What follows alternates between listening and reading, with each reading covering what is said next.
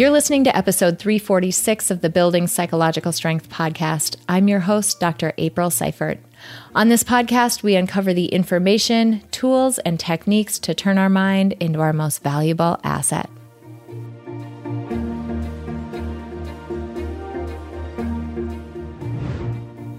Hello, everyone, and welcome back to this episode of the Building Psych Strength podcast. I'm Dr. April, and I'm excited that you're here. I want you to think about um, where you're at at this point in the year. So we're, I don't know, a handful of months into the year. And um, it's funny because at the beginning of the year, we come in all uh, motivated and excited. We're going to change the world, and things have usually fizzled uh, long before we've gotten to this point. And that's one of the interesting reasons why I wanted to cover today's topic, which is about goal setting and motivation and self control. It's fun because, you know, I'm I'm a person who likes to read a lot. Like I look I buy a lot of new books. I usually am reading two or three books at a time and I chow through them really quickly. And so I'm always on the prowl for the next book that I think looks interesting. So while I was digging around on Amazon uh, a few weeks back, I came across this book on goal setting and motivation. And I'm like, this is really interesting. I'm really excited to get this book. So I ordered the book, I read the book, and I just knew that I had to get the author onto the podcast or at least try. And you never know. I mean, if I if I reach out to somebody and invite them on, you never know if they have time or if they are just such a giant name that like, hey, it doesn't matter how many times I ask Oprah or Brené Brown to be on this podcast, they're probably not coming. Um, yet, yet. but you never know if somebody's going to accept your invitation. So this week's guest, Ayelet Fishbach, is one of those people who I reached out to because I loved her book. I thought it was so useful and such a great synthesis of a body of work that impacts people all the time. Reached out to her, invited her, and now here she is. So, this week is a really exciting one because it came from just a genuine interest that I had in the topic. And I just knew that this audience would really benefit from hearing from Ayelet. To give you a little bit of background on her, Ayelet Fishbach is the Jeffrey Breakenridge Keller Professor of Behavioral Science and Marketing at the University of Chicago Booth School of Business. And she is the author, this is the book I bought, of the book Get It Done Surprising Lessons from the Science of Motivation. P.S. The cover of this book is really creative. So I'm not going to spoil it, but go search for it. It is such a cute play on just words, the way that she set the cover up. So consider that just a little bit of a tease to go look for the book. Uh, Ayelet is the past president of the Society for the Study of Motivation and the International Social Cognition Network. She is an expert on motivation and decision making, and her groundbreaking breaking research on human motivation has won the Society of Experimental Social Psychology's Best Dissertation Award and Career Trajectory Award and the Fulbright Educational Foundation Award. That is not easy to get. So, congrats to her and congrats to us for getting to have this conversation with her. It, it was such a great conversation. We talked about so many things that are just uh, like tangible in our lives and ways that we can make it more likely that we will achieve our goals. We talked about is it better to set a goal where you are avoiding something or setting a goal where you are trying to do something new. Super interesting stuff there. She talked about exactly how important it is to have social support and exactly how detrimental it can be if we have people who don't support our goals. She talked about uh, self control and what self control actually means and motivation and how they interrelate. It was such a valuable conversation. So, I'm absolutely excited for you guys to hear about this, especially if you are a person who likes to achieve and has a lot of things you want to accomplish in your life. This episode is for you. All right, let's dive in.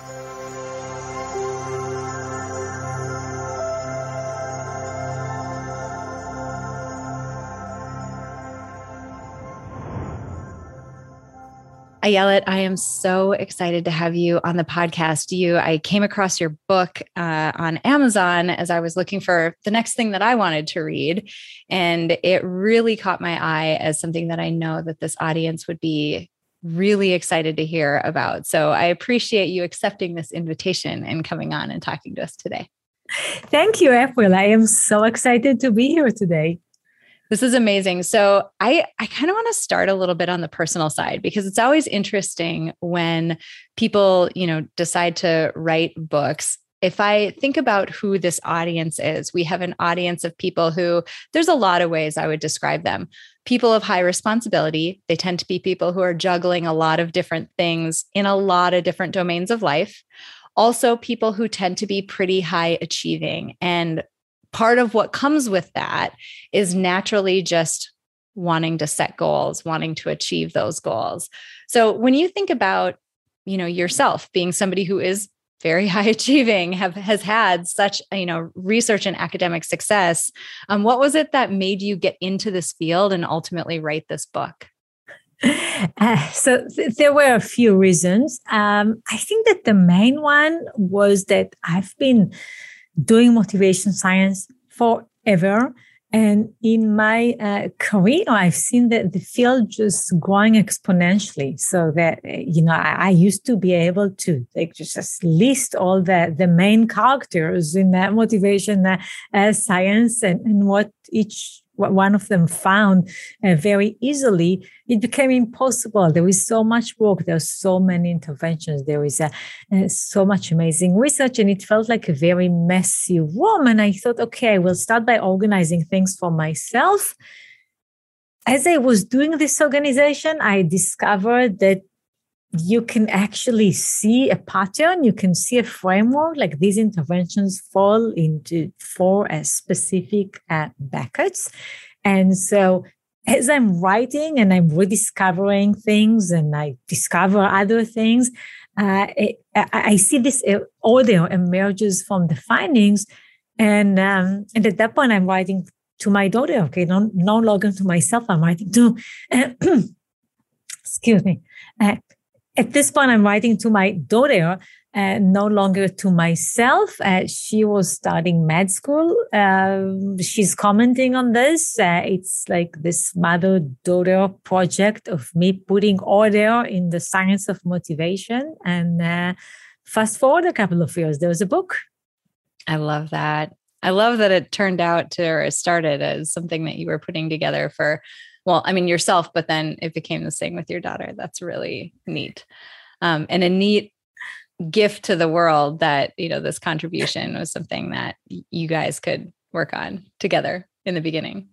Yeah, it, was really, you know, she needed to be motivated. Like she she yeah. was a med school, but it's it's really like what convinced me that it should be a book was discovering that it's not just a collection of interventions. There is an order. There, there is yeah. a, a something to understand from just taking like this broad view of uh, uh, motivation science and, and, of looking at uh, what we discovered as a field. So uh, th- this is the message that I wanted to convey to a widowship that is uh, hopefully more than my daughter. Amazing. Well, okay, so this area of goals and motivation. It's one where we cover a lot of uh, things that fall into this domain on the podcast where there there's what the science tells us and then there's what you'll find out there on social media and that just gets pushed out in other domains. So there's a lot of noise and there's a lot of conflicting messages that we hear. We hear about things like SMART goals or set a stretch goal or no, you need to make it really tiny, not too big. And it all feels completely conflicting depending upon who you hear from. And so, from your perspective, having done such a broad review of the work and having contributed so much to the work, how, how, do we set goals? Like, how are we supposed to do it? What's the right way? So, yeah, yes, there are many misconceptions. Uh, there are uh, many uh, uh conflicting uh, uh, strategies. and another issue is that there are many what we refer to as moderators. like what works for some people in some yeah. situations doesn't work for other people in other situations. So you kind of need to to understand uh, how to, to do this. And uh, um, and, and, you know, I sometimes use the the, the metaphor of, of cooking, which uh, they makes everybody in my life uh, uh they make fun of me because I'm I'm not a good cook. uh, but it's like understanding how to, to motivate yourself, how to motivate others is, is like cooking in the sense that there are many ingredients. And if yeah. you just look at the ingredients out there, you see, you can say like, well, uh, how do I even start? Uh, but then once you understand the principles, and like in particular, I talk about like four areas. Okay, you understand that you need to set the goals in the right way. You you need to monitor progress. You need to like get yourself from one point to another in some ways. You need to juggle multiple goals and you need to leverage social support. Once you understand that there are these four components, you can do the analysis of what's missing from your own recipe. Why mm. might not work for you the way you, you want them to work, and kind of address specifically the thing that is missing so that you you don't add the wrong spice okay or, or, the wrong ingredient or something that you already have in your recipe like you might uh, uh, already set the, the right goal but uh, your um, environment the people around you are not supportive and we know that social support is absolutely critical and so you you need to find people who are supportive okay? Maybe you have supporting environment, but you have too many goals on your plate and they contradict each other. You might need to reprioritize and, and find the right balance. You need to juggle your goals in a, in a different way. And, uh, and so like under, understanding what, uh, what is possible and what might, might be missing is often uh, the way to start.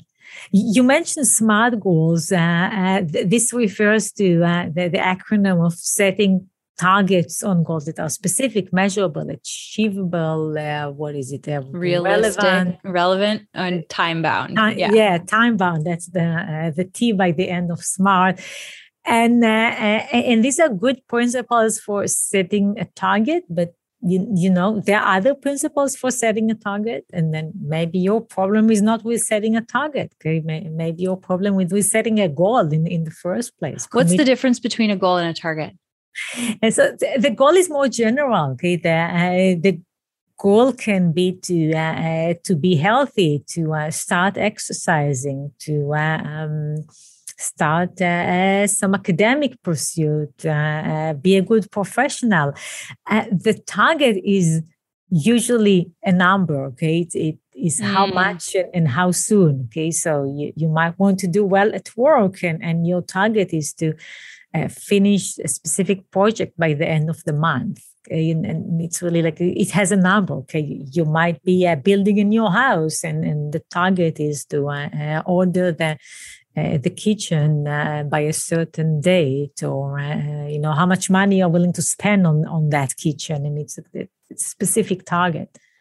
These Got targets it. matter a lot, by the way. They, they are motivating. So, yeah, yeah. I'm curious on the two sides. So you've got the goal, which feels larger, maybe a little less um, specific and concrete, and then these targets that are much more concrete. It feels like there are elements of you know you've got this balance right this this notion of something that's sort of bigger and loftier and then these more tangible targets it feels like there are elements of both of those that would help us stay focused. Like there's a yin and a yang there that would help us keep moving toward in the direction that we want to go. Can you talk a little bit about what is it about these big goals? Because you, you mentioned this in your book, like these things about these big goals and why having like something that is more or less specific is motivating versus something that's a target that we can point at and check off when you know we've reached it.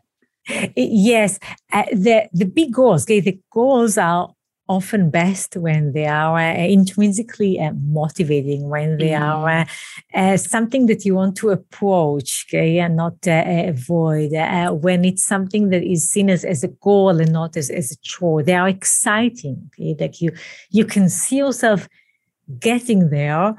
And you're excited about that. That's the, the mm. person that you want to be. So when we talk about setting a goal, we we think about a goal that is that is not immediate, that is enticing, that is uh, not a chore, that is exciting.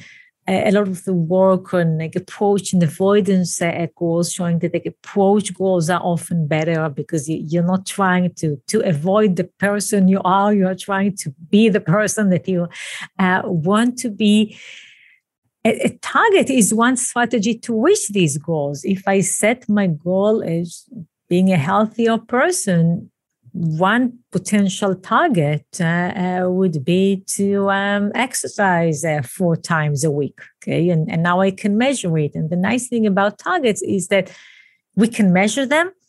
And then we see anything that is below the target as a loss. Okay. And mm. so we are, we are hmm. really highly motivated to, to reach it. And if you, April, if you ever had like a step count goal and you find yourself at night walking around your bedroom, okay, that this is the effect of targets, right? Like yeah. I am only 100 steps from this goal. I caught my my son one day just waving his hand in air.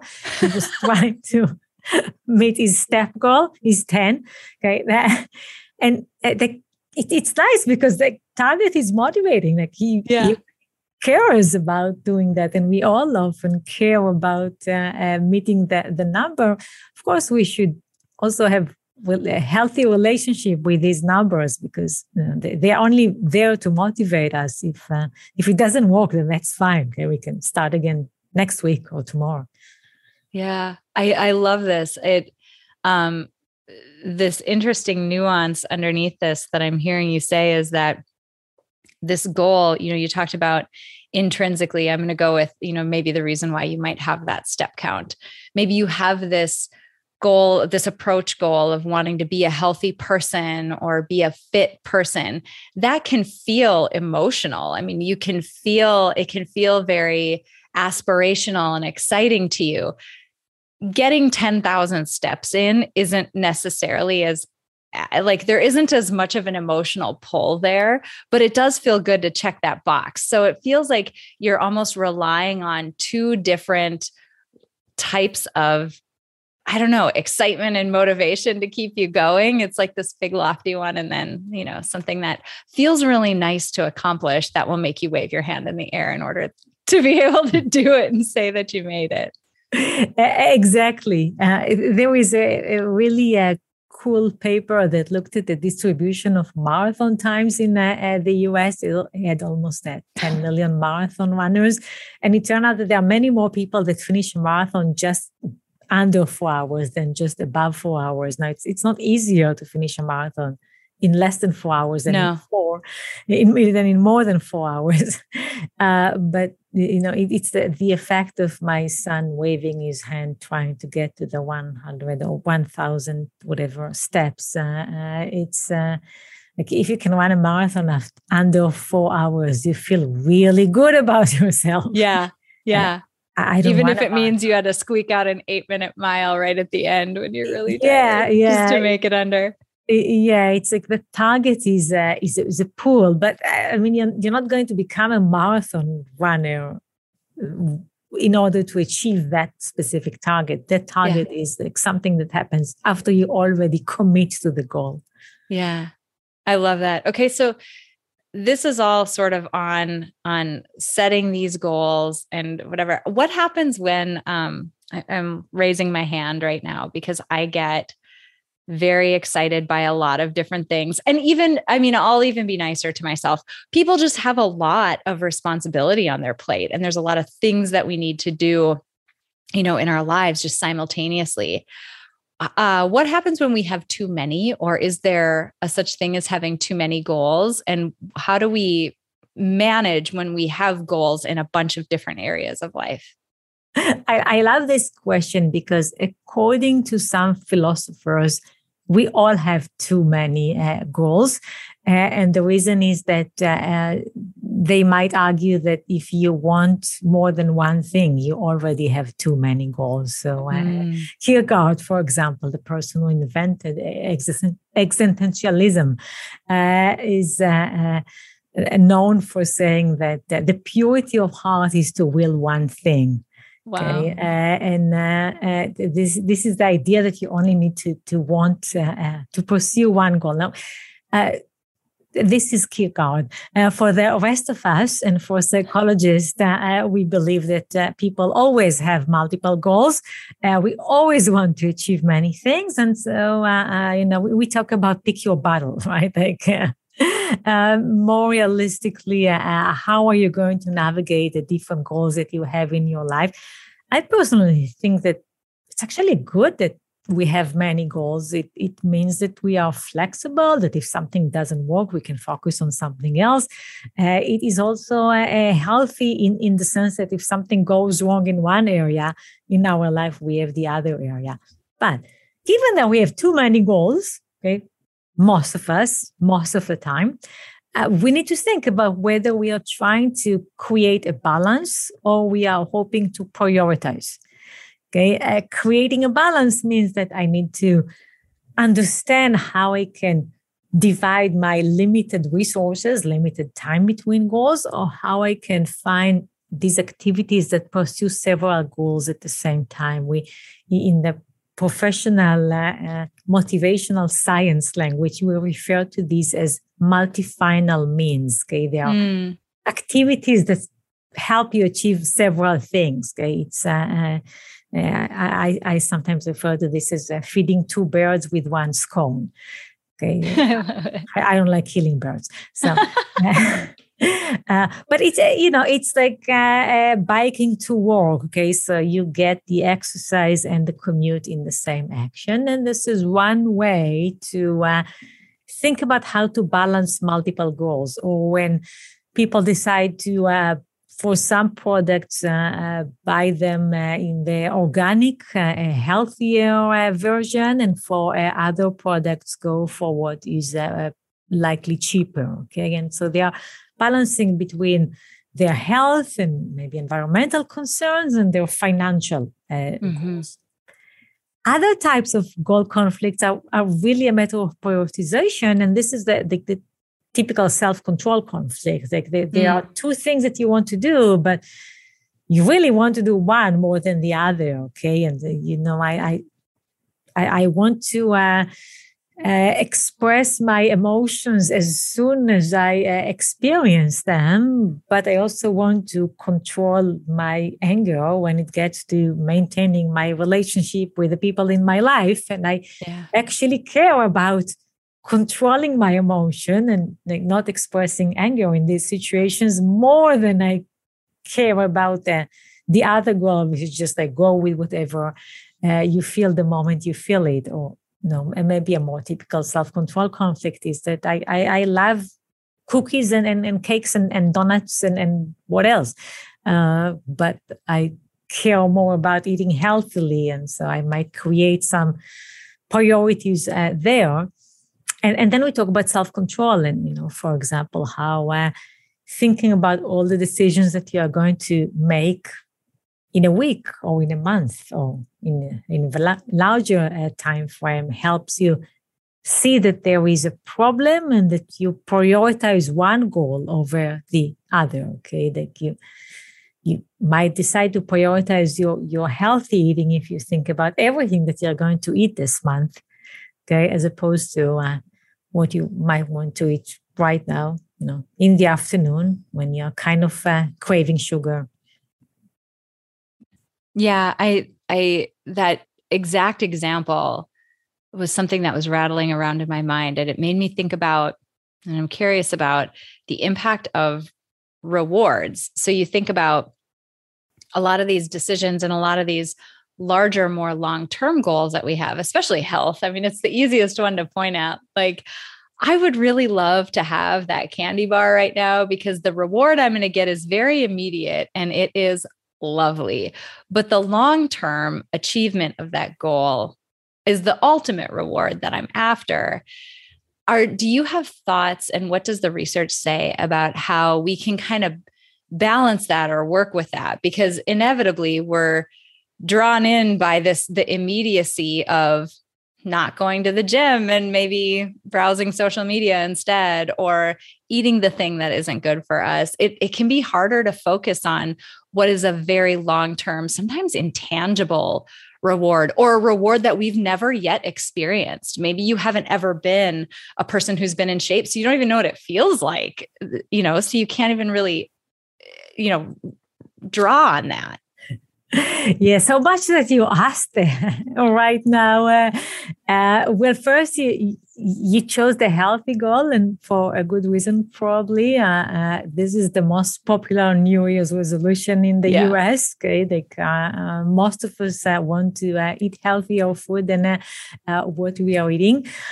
second, you are uh, nicely describe the present bias by which uh, uh, we really care about the immediate experience of our actions, um, often much more than anything that is delayed. And this is very part, very much part of our nature as humans. Uh, you know, actually, this is part of our animal nature. Even like uh, if something is now, it is much more valuable for me than if it's uh, next month. Like uh, you gave the example of a candy bar. Well, I, I, I want a candy right now. If you ask me about next month, I, I don't care about a candy next mm-hmm. month. Right? Like I, I, I don't care about sugar that is not coming now. and so uh, uh, the, the, problem with self control is uh, uh, what we want in the present is different than what we want to happen in the long run. Okay, and so you, you get like the the short term versus uh, uh, long term.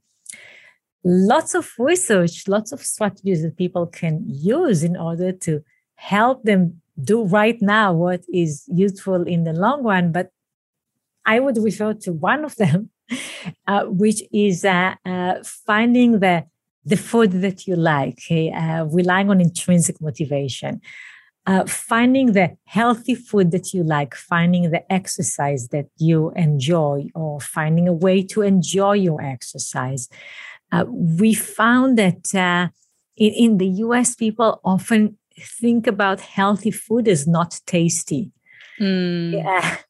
In, in some of the studies that are actually fresh from our uh, lab, and this is something that I, am doing with uh, Bradley Turnwald, my, my postdoc at the moment, we see that when we ask people to envision healthy food, okay, like you know, broccoli or, or, carrots, what they envision is not a dish. Okay, they, they envision oh. like the, ah. the raw ingredient. Okay, they envision yeah. carrots with dirt on them.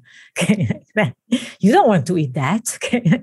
Okay. oh, that's so it's so elemental, right? They yeah. just like boil it down to the one ingredient. That's interesting. Right. So like if you just think about healthy food in its like prepared and, and tasty version and like uh, these veggies they can be cooked they can be broiled they can be with spices they they, they can be great okay? Like fruit it, it's like it's colorful it's pretty it can be cut it, it can be prepared. Uh, if you think about eating healthily as a more intrinsically motivated activity, okay, what is the healthy food that will make me happy right now? Uh, then it's easier to put the candy aside in, in favor of uh, something healthier. But you you need to uh, find the healthy food that you like and get yourself train yourself to think about healthy food as as tasty as it pleasant experience that happens right now as you eat it. Mm-hmm. That's good. And the way that you're describing this, it's, uh, I know there's somebody listening to this who is probably just like, oh, thank gosh because sometimes when we have these these goals that require more of a long-term mindset we get down on ourselves when I want to eat the candy bar right now, or we do, we give in and we do. I want to talk a little bit. You've brought up the idea of self control. And this is a space where people get really critical of themselves. I am so weak.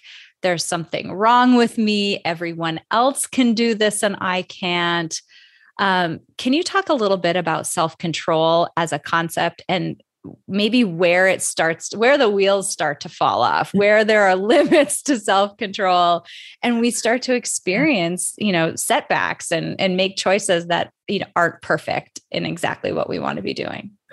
Uh, yes happy to to talk about self-control also you know the, when people say that they don't have self-control well people say that they just cannot do this this is often like you know when people have setbacks or you know a failure experience often they either don't learn anything or that they learn that it's, it's just impossible for them okay? They they overgeneralize and and they learn that they just should not do this at all. And like often when we try to they get people to learn from setbacks we say that well between not learning anything and learning that this is just a, a, a challenge that you will never be able to meet. There is the healthy learning okay? And yeah yeah. You right and, and like the, you you just learn what doesn't work for you. Let's think about what does work for you. But uh, putting this aside uh, self-control uh, the way uh, we see self-control is as involving two challenges. First you need to see that there is a problem and then you need to to address this problem okay? So so first you need to understand that like uh, this uh, single candy that you mentioned uh, will undermine your healthy eating goal or this is like one time that you lose your temper can undermine your relationship uh, or like this one uh, glass of alcohol ca- can be a problem. And it's not easy because in all the three examples that I just gave you, doing it just once right. actually has not much of an impact, right? Like, right. It, just like one candy come on april i'm not going to gain weight from one candy yeah and right and, and losing my temper once like that's not going to destroy my relationship of course, the problem is that it's not once, right? That otherwise it would not be a self-control dilemma. But the challenge is really to, to see this like single instance as part of a pattern. Okay. To, mm. to see mm. that this is not just now. Okay. That this is the kind of decision that I will make every time when I'm in this situation. So I might crave the candy every day after work. It's not just today. Uh, what we find is that using what we refer to as broad decision frame, like thinking about several opportunities together is often the way to go. Uh, we found that uh, initially with uh, all kind of unethical actions, like we uh, we found that when we asked people would they take office supply from work to, for personal use just once, then almost everybody said, "Oh yes, sure." And then when we asked them, "Would you do it ten times this year?" Then they said, ah, probably not. Mm. and so just remind yourself that you do it many times is yeah. uh, helpful. Uh, I'm reminded of uh, uh, Abby Sussman's research on exceptional expenses. And these are the kind of things that we don't buy every day, like champagne or a theater ticket or like a night in a hotel when she reminded people that they will make this decision many times this year, they were more aware that this could be a temptation. It could undermine mm. their financial goals. Okay, and so you get uh, a better understanding of what is a temptation. Once you identify the temptation, now you need to battle it. Uh, that is, you need to resist it uh, without getting too much into all the different ways in which people can battle temptations. So, like in the way they think about temptations, in, in actual actions, like, you know, not bringing that food to the house, for example. I would say that what we find is that when people know that a temptation is coming, they are better able to resist it that when it's presented and you're not prepared. Okay. It's yeah use the vaccine metaphor, which is now on everybody's mind. Okay, it's, it's a bit like a vaccine. Okay, like you know, I I know that it's there, and so I'm I'm I'm prepared. Or no, maybe another metaphor is like preparing to lift a heavy furniture. If I tell you that it's heavy, you're like fully ready to lift it. Uh, what we find is if we tell you that in the party there's going to be a lot of alcohol, you will drink less than if you go there and all of a sudden all the temptations are there. Yeah. It's that um uh the exact name for it is escaping me, but it's almost like make it that pre-contemplation stage. Like you're making a you're almost like making part of the predetermined decision for yourself because you're not quite in the situation, which I want to go there next. You're not quite in the situation or the context where the thing is. So you can have a little bit more of a frame of mind and be a little bit more thoughtful about what you what you intend to do to set more of a more of a behavioral intention before you get in there with all the temptation and distraction that happens as life goes on. Yeah, so there is a bit of pre-commitment, and uh, yeah, we, we generally refer to this as a counteractive control, like you're counteracting what you you know is coming. You, you know it's going to be hard, and so you are extra prepared. Okay, you know it's going to be cold outside. You take an extra sweater. You know that there's going to be a lot of food that you don't want to eat in the party. You prepare yourself to be careful when you get there. Yeah. So much of this that we've been talking about, you know, these these behaviors or how we think about our own behavior and our own actions, um, none of that happens in a vacuum. So I want to talk a little bit about two sides to the unvacuum. Maybe one is something that you mentioned before, this idea of social support. So how other people's support can influence our likelihood of achieving a goal. Why is that so important? well, we rarely achieve anything without the support of others, and often it's with others actually helping. So, if you think about that, the important goals in, in your life, okay, it's usually something that you're doing with other people. Okay, you, you mentioned uh, April, your team in uh, making this podcast. Okay, mm-hmm. I, I, work on my research with my colleagues. Uh, uh, we do things as a company. You know, we start a family with another person, and then we have that like the entire uh, family uh, helping us. So often we work with other people, and even if we don't work with other people what other people think about our goals matter and the kind of role models that they present to us, what they want for us. There was a reason why so many people want to exercise in, in a gym facility, within a class, okay, with other people exercising around them. It is just so much easier to get myself to jump when uh, there are 10 people around me that are also jumping. Yeah. It, it, it, we are as social animals, okay? And I, you know, I, I mentioned before our, like, you know, there, there are things that go back to our human nature and like our human nature is to work with other people in the mm-hmm. presence of other people and we care about what other people think a lot. And so let's leverage that uh, for success and, and and find the people that uh, will support our goals. I, I would say something uh, more than that we find that relationship is very much a function of how the the people with whom you are in a relationship support your goals. So if they're supportive the relationship is good if we are no longer instrumental for each other's goals, then often relationships uh, uh, fall apart. Wow. I've never thought about it that way. That, I mean, there's just a connection that you have. I don't want to say maybe reliance is too strong of a word, or maybe not, but on that other person when they play a role in you achieving your goals.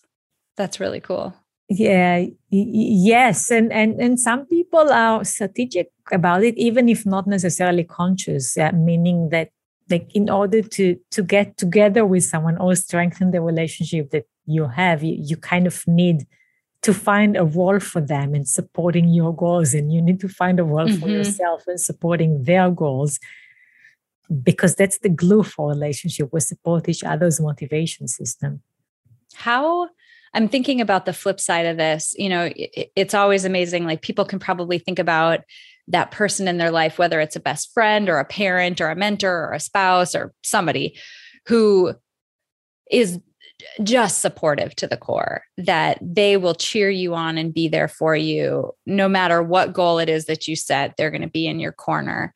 On the flip side, how detrimental to us is it if we have people who are the opposite, who don't believe in us, who are telling us, I don't think you can do this. And, are actively pushing in that opposite direction. Because achieving goals is hard enough. Like the stuff we're talking about is really hard.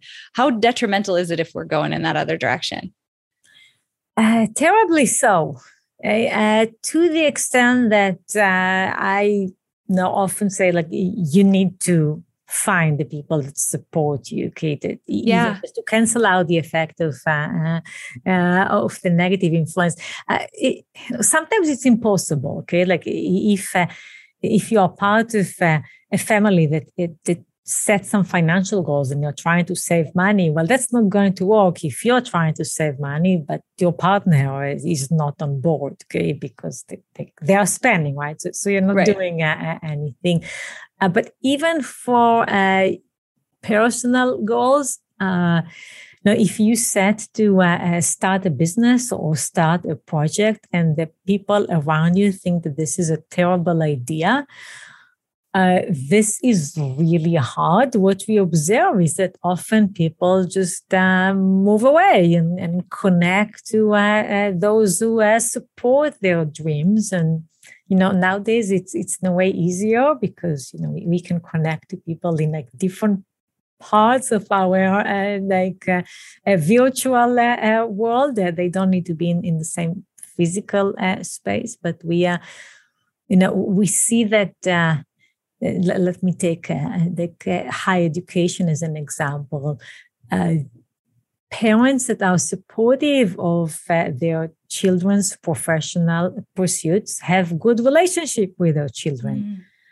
uh, parents that think that uh, their child's uh, professional choices are, are, foolish and not something that they would endorse uh, uh, for them well you know they, they are still parents. It's actually very hard to break up with your parents Okay, but the relationship is not great. Right? Yeah. just like you are psychologically um, um, moving away and, and eventually connecting to people in your professional network and like the, the, the people that, that you think that your career as a, as a psychologist, for example, is worthy.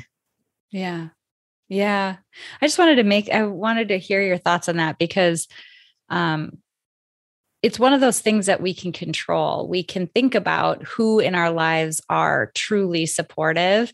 And sometimes I think people, eh, eh, I, feel like it's an artifact of social media that maybe you're on a new weight loss journey, maybe you're on a new financial journey, maybe you're starting a new business. We almost feel compelled to have to tell everyone what we're up to. And I just want people to understand like, you aren't, you don't owe the world as an entirety an explanation for what you're doing, but you can choose those people who will be more supportive, just truly compassionately supportive of what you're going through and set yourself up for more success. Like I want people to hear that you know when you have those detractors in your social circle it's really not going to help you out. So you don't ha- you don't owe people a full explanation of what you're up to. You can select who you bring in. Uh, absolutely. Uh, you, uh, uh yeah, you, you don't want to uh, have to constantly explain yourself and, and, justify your goals. That's the opposite of feeling supported. That's the right uh, the feeling of, of lack of support. And, and maybe you, you hinted at Will toward um, another problem that could be with with that the person that does something similar to what you do might not be supportive, right? They might be competing with you. Yeah. Right. right? There might be social comparison. And like we yeah. know these social comparisons are often a source of unhappiness. Okay. That, yeah. that happy people often av- avoid that. So when I uh, meet someone who has similar interest and appreciate what you do, they are the people that want you to do well. They are not the, uh, the people that are compete with you, that constantly compare themselves to you, and, and certainly not the, uh, the people that you uh, suspect will find it less worthy. Yeah, that's a really great point. I want to, before we wrap up today, I want to talk a little bit about what this means. We've talked a lot about our the personal side of our lives, but professionally, you know, there's been so much talk about people's professional lives, just especially in the last two years. Everything is sort of blended together. Like it's almost the the line was fictitious before covid but it's almost gone now but when we think about goal setting and how all of this applies in a professional setting if you were talking to leaders or owners and founders of companies about how they can best motivate their employees.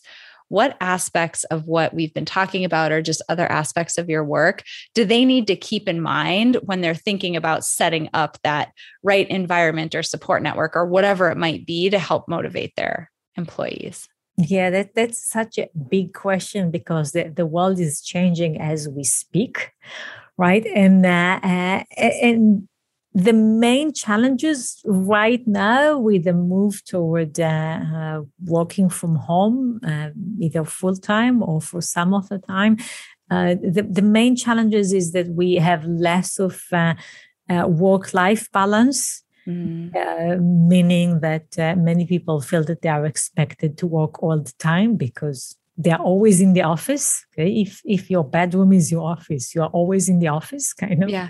Uh, and the other challenge is that the lack of social support and and and the, and the right people. Okay, so the people that we have at home might be uh, the people that you care for more than anyone else in the world, but they are not the people that necessarily want you to focus on your work or to be right. successful. Like you, your kids don't really care if you are uh, successful at work. They, they, they want you to be a good parent.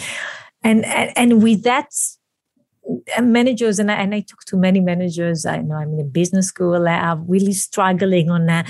Uh, how to make sure that people are connected to the people that will support their work yeah. okay that is to, to other colleagues and how much we should be uh, aware that people do need to spend some time in the office or they do need to have some sort of everyday maybe online communications so that they know what other uh, people uh, doing, that they are connecting, that they get the values, that they get the goals of the organization, that it's not just about doing your project, it's more of understanding how we do things here.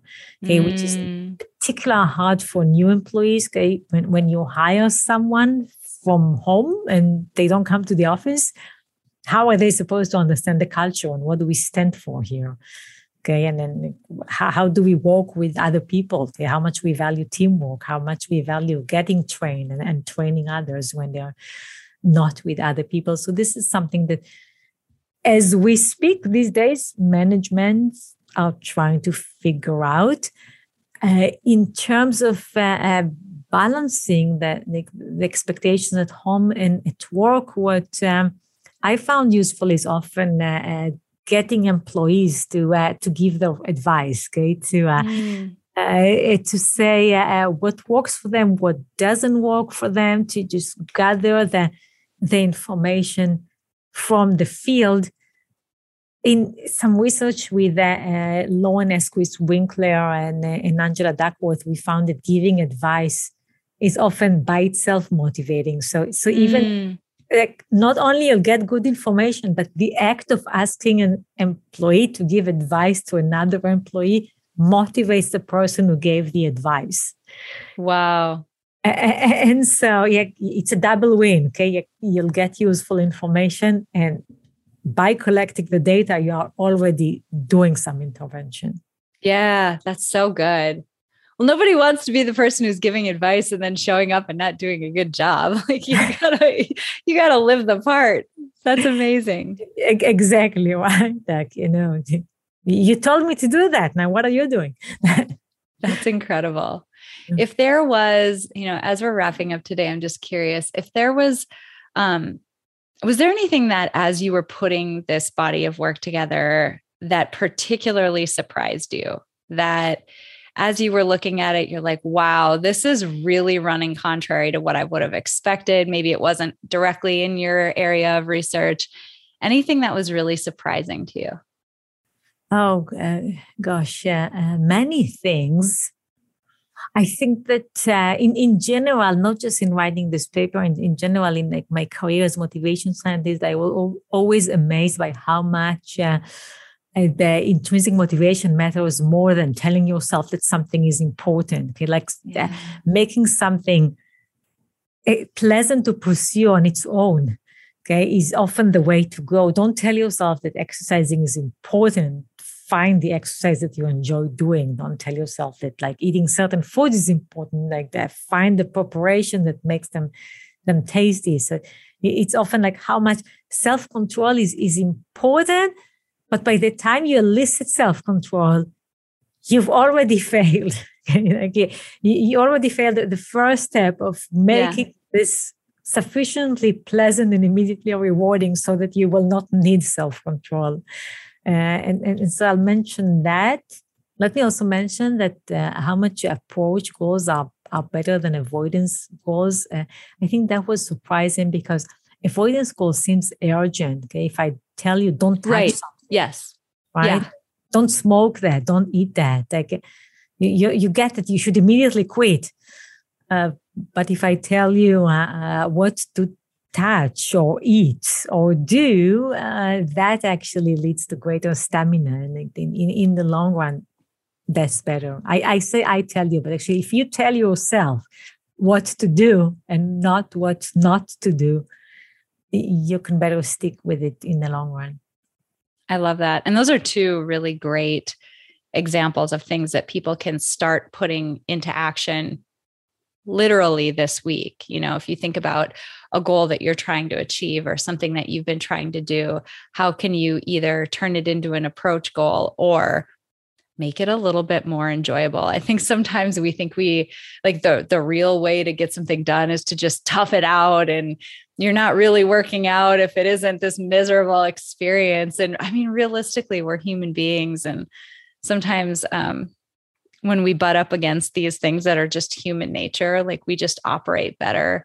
You know, if something is more enjoyable, I just think we are the most adorable species because we we think we can operate one way, and I'm like, oh, we're so cute. That's just not how we work. So, I love it.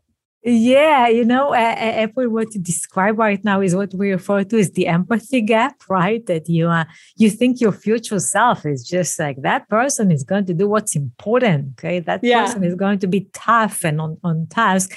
And come on, show some sympathy to or empathy to this person that you're going to be in the future. And like they're, they're going to be tired. Okay, they, they want to do something that's fun and like they pleasant. want the so. chocolate yeah, right. They they uh, uh, uh want uh, to eat something fun, so find the healthy food. It's fun. That's good. That's good advice. Ayelet, where can we find more about you, your work, your book? Where can people get it? It's it's such good work. Uh, thank you. Uh, you can uh, find me on ayeletfishbach.com. You can uh, find my book, Get It Done, uh, uh, everywhere, I believe. Um, if you go on my website, there is also a mini course on motivation that I uh, recently created. So you'll see there, just uh, ayeletfishbach.com. Amazing. I'll make sure that that is linked up in this episode description on the show notes page so that people can just swipe up on their device and click and get access to everything that you just talked about. This is so great. It's always so fun when this is like the intrinsic way of me getting a guest on the show where I'm digging around just because I personally, you know, love psychology and love, you know, learning about domains that I haven't specifically studied before.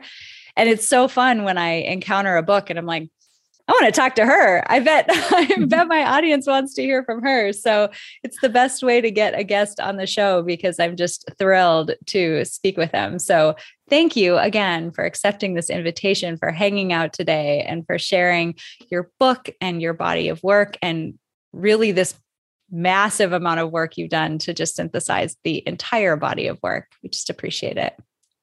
Thank you so much. And it's the uh, the unexpected benefits of writing a book that you get to talk to so many people who uh, love thinking about how to get motivated. Amazing. Well, friends, I hope you enjoyed this conversation. I have a number of things that I want to touch on in just a minute, some additional resources for you, and uh, a fun opportunity that I want to chat about. So hang out for just a second, and I'll be right back with a little bit more.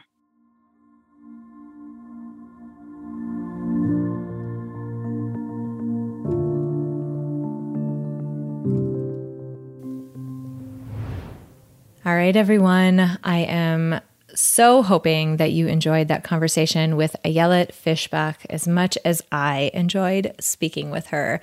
She is so knowledgeable about this area of research. I mean, she talked about it, right? She was one of the first, not one of the first, but like some of the first researchers who truly started studying human motivation and achievement. And we got to have her on the show, and that is really exciting. So I hope you really enjoyed that. I have a few resources that I want to highlight, and then I have uh, a quick invitation for you. So, first resource that I want to highlight is just Ayelet's uh, website.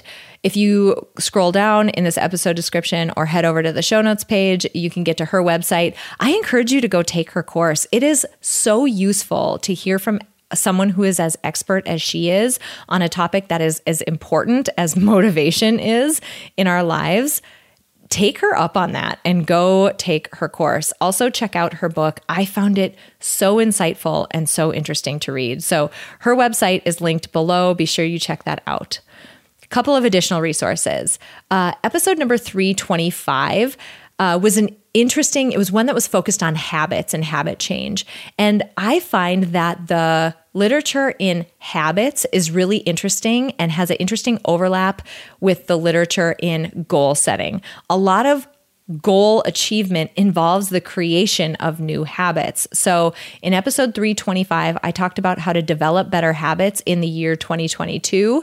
And we talked about some things that really analog nicely over onto our conversation with Ayelet today. So things like um, goals where you are trying to you know approach goals where you're trying to do something new versus avoidance goals where you're trying to do um, or reduce the amount of times that you do something i give tips for all of those scenarios and more. So, if you're interested in a goal that might require the development of a new habit, check out that podcast episode. It's episode 325, linked below. Last thing I want to recommend in terms of resources is a blog post. It's all about red flag words. So, red flag words meaning words that we use just generally when we're talking to others or talking to ourselves that can really change the way that we feel about a particular action.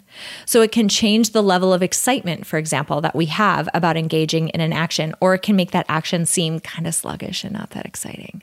And if you think about what we talked about with Ayelet, really, the more excited and intrinsically motivated we can be to achieve something, the more likely it is that we're actually going to achieve it. So go check out that blog post, Red Flag Words. It's linked below. It's just a really great reminder of how the words that we use to describe something really matter. Okay, last thing that I want to talk about is a little invitation for you. If you are a person who is a leader of a team, or if you are an owner or an executive in a company, I want you to listen up. At the end of this conversation with Ayelet, we talked about, you know, how does all this goal setting and all of this stuff, um, you know, connect to us in a professional setting? How do we motivate employees? How do we get them excited to come to work? And she made such an important point that coincidentally maps onto something new that we have cooking up inside the Peak Mind Center. So, Ayelet talked about how difficult it can be to connect an employee to the deeper purpose of a company.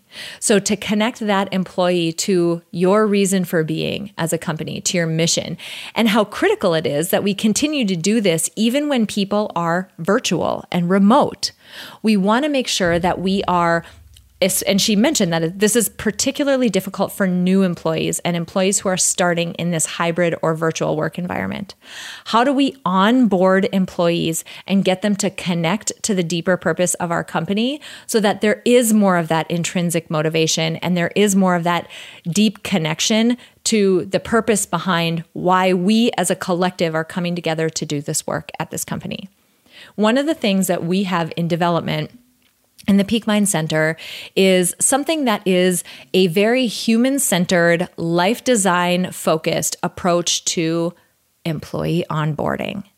There's a ton in life design around getting to know what your values are and what is important to you. And if you think about it, connecting those values and what's important to you to your work and to your company can be incredibly impactful. So, we're putting together that resource and this program to help companies onboard their newest employees and form that exact connection that Ayelet was talking about in our conversation. So here is the ask and here is the invitation.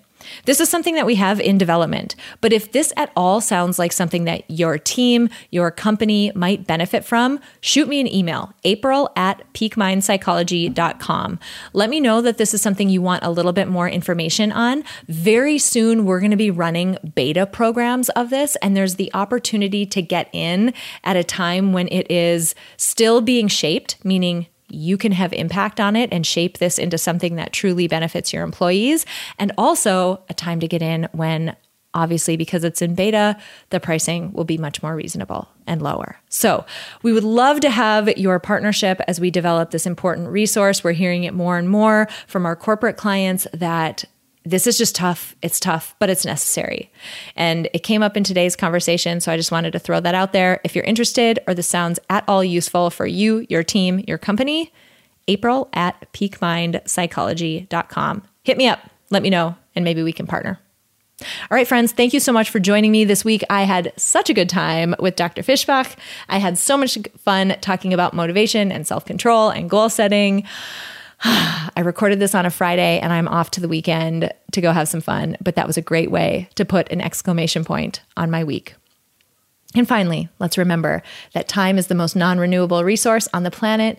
And I'm so grateful to each and every one of you who chose to spend some of your precious time with me today.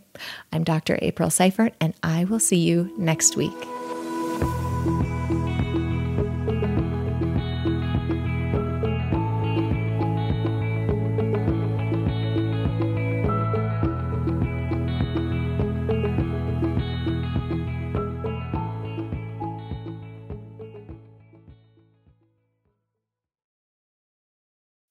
As humans, we're naturally driven by the search for better. But when it comes to hiring, the best way to search for a candidate isn't to search at all. Don't search, match with Indeed. When I was looking to hire someone, it was so slow and overwhelming. I wish I had used Indeed. If you need to hire, you need Indeed. Indeed is your matching and hiring platform with over 350 million global monthly visitors, according to Indeed data, and a matching engine that helps you find quality candidates fast. Ditch the busy work. Use Indeed for scheduling, screening, and messaging so you can connect with candidates faster. And Indeed doesn't just help you hire faster. 93% of employers agree Indeed delivers the highest quality matches compared to other job sites, according to a recent Indeed survey. And listeners of this show will get a $75 sponsored job credit to get your jobs more visibility at Indeed.com slash podcast. That's Indeed.com slash podcast. Terms and conditions apply.